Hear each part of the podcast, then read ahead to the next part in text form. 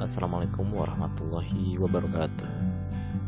Uh, nama perkenalkan, nama saya Anam Prawoso, biasa dipanggil dengan Anam.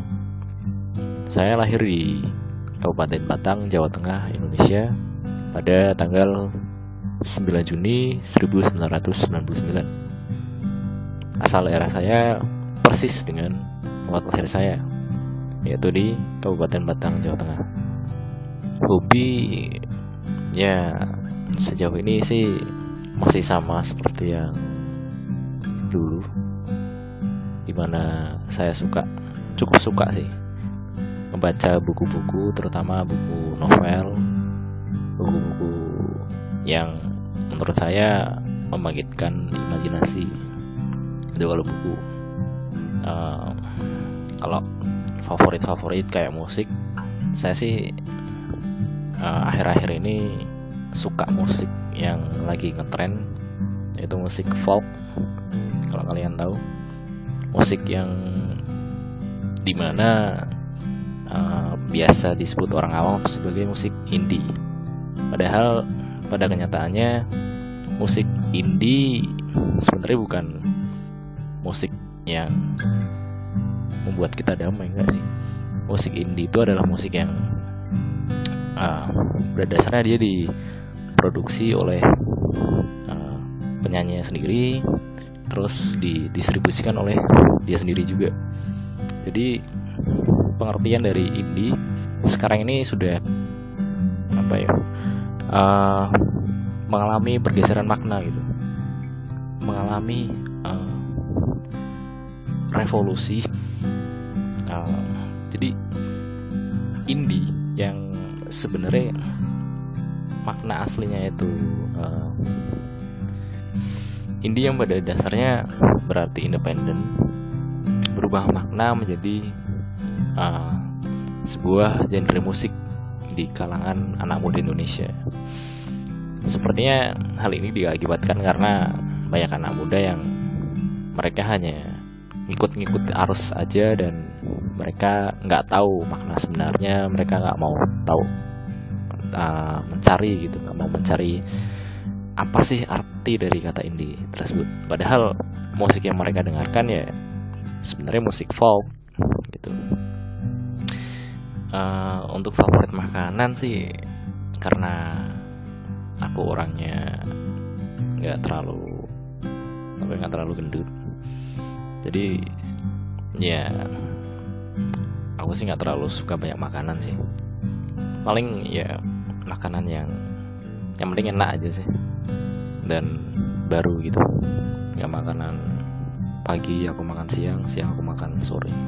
Untuk kegiatan yang baru-baru ini saya lakuin sih uh, lebih ke kegiatan organisasi.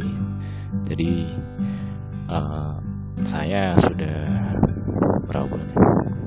sekitar jadi anggota di salah satu organisasi riset di teknik kimia namanya Bokalonar ya di sana saya baru jadi anggota. Dan sepertinya masih perlu belajar banyak hal. Terus baru dua minggu kemarin saya join lagi URDC yaitu organisasi uh, robotik di Universitas di Diponegoro sendiri. Uh, saya tertarik dengan riset karena menurut saya uh, Indonesia perlu sekali orang-orang yang memang uh, bisa gitu untuk mampu belajar, mau dan berusaha mempersembahkan yang terbaik untuk bangsanya. Saya ingin sekali uh, satu hari saya bisa berkontribusi di negara saya sendiri saya bisa menciptakan uh, sesuatu yang berguna bagi banyak orang. Untuk kesibukan yang lain sih ya karena ini bulan puasa jadi ya ya saya kalau pagi sahur kalau malam buka gitu aja sih. Uh, untuk pengalaman menarik uh, saya ada sebuah cerita unik gitu. Uh, ini sih terjadi waktu awal-awal saya di Undip uh, jadi kan saya uh, adalah seorang mahasiswa pindahan dari sebuah PTN di Jogja. Kemudian saya pindah ke Universitas Diponegoro. Uh, jadi waktu dua atau tiga bulan pertama uh, saya di Tembalang perasaan kangen itu sudah tidak dapat ditahan gitu. Uh, waktu itu kebetulan ada satu minggu yang uh, di situ ada libur dan ya absen saya masih full sih waktu itu alhamdulillah. Jadi bisa dimanfaatkan untuk uh, mencari kegiatan lain selain kuliah gitu uh, waktu itu uh, saya berangkat ke Jogja itu pagi hari. Uh, ya sebelumnya udah persiapan dulu lah. Ya mandi uh, nyiapin pakaian dan lain-lain. Uh, tapi ya sebenarnya saya juga rada ragu untuk ke Jogja gitu. Karena uh, sebenarnya ini adalah perjalanan pertama kali saya naik motor ke Jogja sendiri. Gitu. Uh, alhasil karena saya nggak tahu jalan sama sekali uh, saya mengandalkan Google Maps waktu itu. Dan karena nggak mungkin juga saya melihat HP terus menerus di jalan uh, akhirnya saya kepikiran untuk uh, memasang headset gitu dan menyalakan uh, petunjuk suara yang ada di Google Maps agar uh, saya nggak perlu ngeluarin HP terus gitu. Nah uh, waktu perjalanan ke Jogja sih, alhamdulillah karena lewat jalan yang sudah jelas dan ramai. Uh, saya nyampe Jogja itu normal uh, sekitar dua setengah sampai tiga jam lah waktu itu. Uh, tetapi uh, masalahnya adalah ketika saya pulang. Jadi waktu itu setelah kurang lebih satu minggu di Jogja uh, saya pulang. Waktu itu uh, sore hari gitu.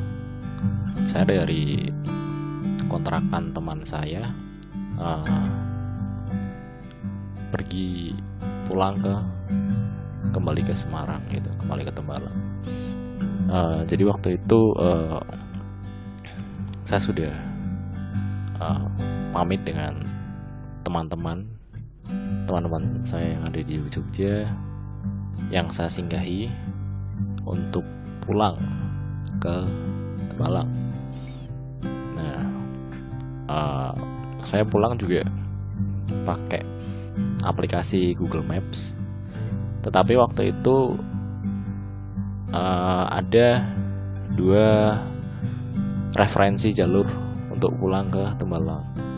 Nah, waktu pulang uh, saya sih lebih berpikir untuk uh, memilih rute yang sebelumnya tidak saya lewati gitu tidak saya lalui. Jadi rute ini berbeda ketika waktu perjalanan dari Tembalang ke Jogja. Nah, uh, saya nyoba uh, rute itu, ya terus uh, awal-awal sih normal-normal, tapi uh, ketika nyampe Magelang, entah kenapa uh, si Google Maps-nya itu uh, nyuruh saya untuk belok ke arah kanan alhasil ya saya belok ke arah kanan. Terus uh, saya jalan terus lurus terus. Saya ngerasa ada yang aneh gitu. Karena tidak ada pemberitahuan sama sekali untuk belok kanan dan kiri. Sementara jalan tetap lurus dan tetap nanjak naik ke kaki gunung berbabu. Waktu itu sekitar pukul 5 sore uh, saya sudah berada di jalan yang posisinya cukup tinggi karena sudah berada di lereng gunung. Uh, dingin sekali waktu itu dan cuaca waktu itu kebetulan sangat mendung sekali. Jadi uh, sangat mencekam bagi saya. Karena sore hari perjalanan pulang dan saya belum pernah sama sekali uh, melewati rute itu gitu. Nah karena saya ketakutan. Uh, alhasil ya saya memutuskan untuk kembali pulang ke Jogja. Uh, waktu itu benar-benar karena ketakutan gitu ya. Jadi uh, saya ngebut gitu.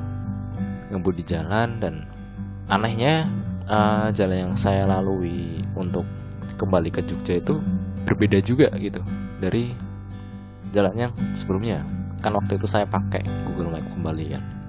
Tetapi karena dengan keyakinan bahwa saya tetap harus turun saya harus ke kota waktu itu saya nyari kota sih waktu itu. Yang penting di kota aja ketemu banyak orang nggak sepi kayak di sini gitu. Uh, uh, saya mikirnya gitu. Uh, tapi dengan keyakinan bahwa uh, saya akan sampai uh, akhirnya uh, saya nyentuh kota itu pukul 17.40an hampir marib atau sudah marib nah uh, alhamdulillah sekali saya ketemu banyak orang dan saya memutuskan untuk ke Jogja waktu itu. Karena saya sudah uh, sampai di kota Magelang kembali kemudian ya saya terus meneruskan perjalanan saya ke Jogja. Uh, sampai di Jogja ya saya uh, kebiasaan gitu. Kalau saya pertama kali ke sana biasanya uh, tempat yang pertama kali saya singgahi adalah masjid yang mana masjid ini adalah masjid yang dulu dekat asrama. Saya waktu kuliah di Jogja dan karena masjidnya juga ramai sekali terus uh, kayak nggak pernah sepi jadi saya pikir itu masjid ya, tempat yang cocok gitu untuk saya singgah di sana sebentar sembari uh, menghubungi teman-teman saya gitu. Dan setelah saya sholat saya coba kembali hubungi teman-teman saya ya reaksinya sih lu uh, diketawain sih. Ya saya ya saya tahu sih diketawain karena uh, lucu juga. Udah pamit eh balik lagi. Tapi nggak apa-apa. Alhamdulillah uh, teman saya juga baik. Uh, dia rela jauh-jauh dari Bantul ke Sleman. Hanya demi menjemput saya kembali gitu. Dan ya akhirnya saya memutuskan untuk pulang besok paginya dan saya pulang melewati rute yang sama ketika saya uh, pergi ke Jogja pertama kali. Dan alhamdulillah sampai sih ke Tembalang gitu. untuk kebiasaan akhir-akhir ini sih uh, saya sih punya kebiasaan untuk numpang tidur di kos tepatnya di kosnya Hilma karena saya trauma sekali dengan uh, telat bangun sahur. Karena bagi saya sahur itu penting. Selain sahur itu sebagai ibadah juga uh, di di sana juga ada waktu yang yang tepat lah yang manjur untuk kita berdoa. Dan uh, saya juga nggak mau melatkan niat juga karena niat itu penting waktu kita puasa. Dan terakhir saya nggak mau ngelewatin sahur karena kalau melewatkan sahur saya lemas banget. Karena saya nggak ada cadangan lemak. Saya di sana ya an, uh, sembari ngerjain tugas juga sama Hema terus uh, diskusi. Tapi juga kadang ya ada uh, manusia-manusia elektro yang lain juga. Kayak misal Lesbi kadang juga ada uh, Irwan juga yang sering ke sana jadi ya saya di sana nggak sendirian. Nggak berdua doang juga. Sama Hema tapi banyak orang juga. Tapi kadang uh, kalau nggak di Kosema sih saya di base camp kita sih. Base camp Direktur 18 karena di sana cukup banyak orang. Jadi uh, saya pasti ada yang ngebangunin sahur gitu. Uh, kemudian sih keluh kesah akademik saya sih. Sebenarnya sih karena semester kemarin ada salah satu matkul yang ada nilai C yang mana uh, matkul ini SKS-nya itu lumayan banyak gitu sekitar 3 SKS dulu sih jujur sih saya ngerasa kayak aneh gitu. Saya ngerasa ya gimana ya mungkin mungkin ya sebenarnya jadi waktu ujian uh, mungkin saya uh, kerjanya salah-salah atau gimana atau nggak sadar. Tapi uh, dalam bayangan saya sebenarnya materi matkul itu itu nggak terlalu sulit gitu.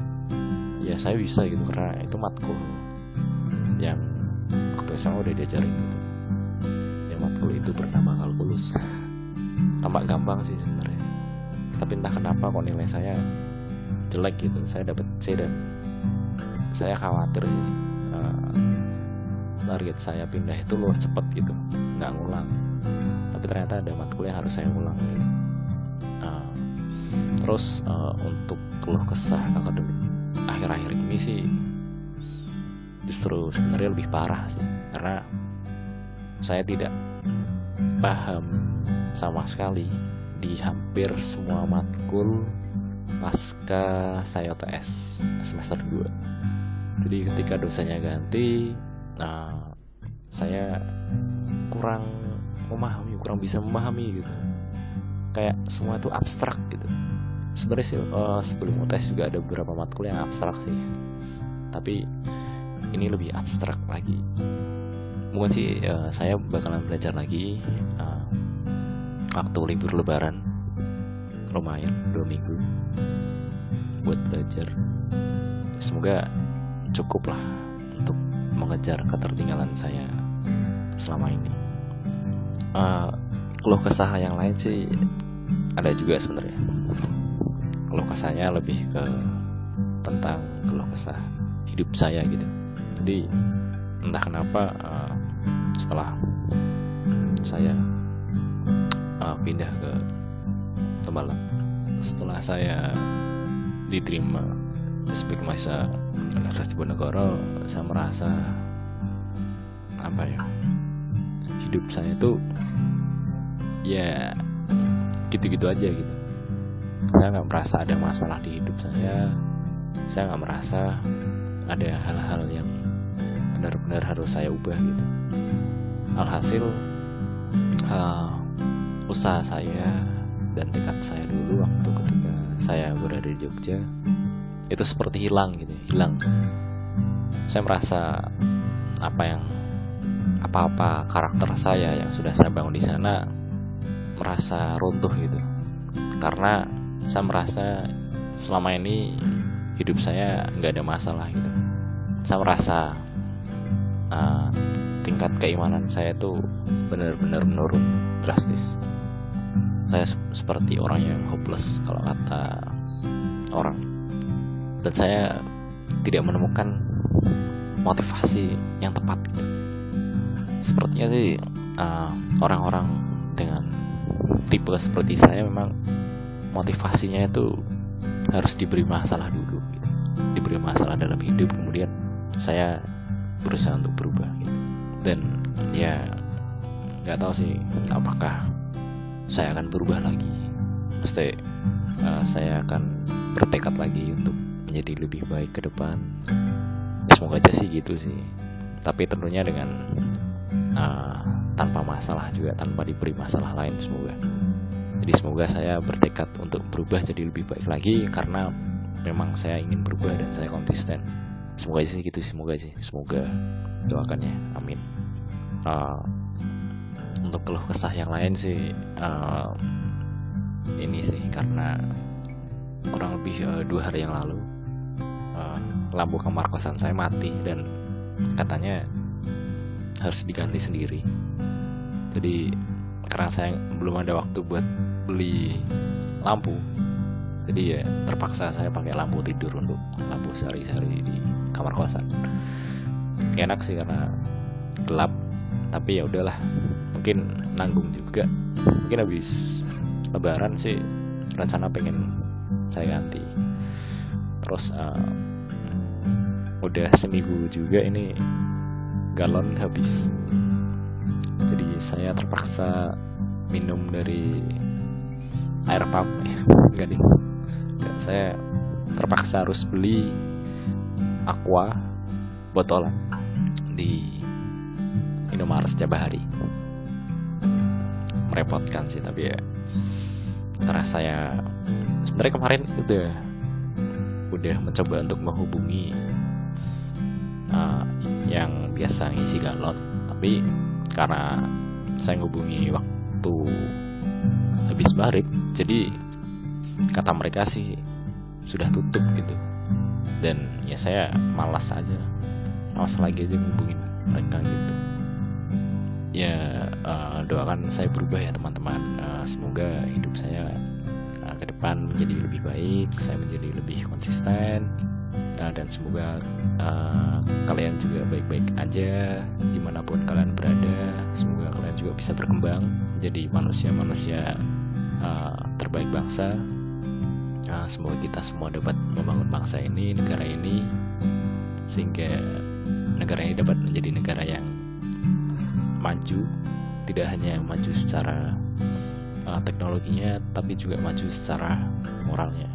Ya itu sih kurang lebih uh, podcast kali ini. Uh, semoga podcast ini bermanfaat. Wassalamualaikum warahmatullahi wabarakatuh. Bye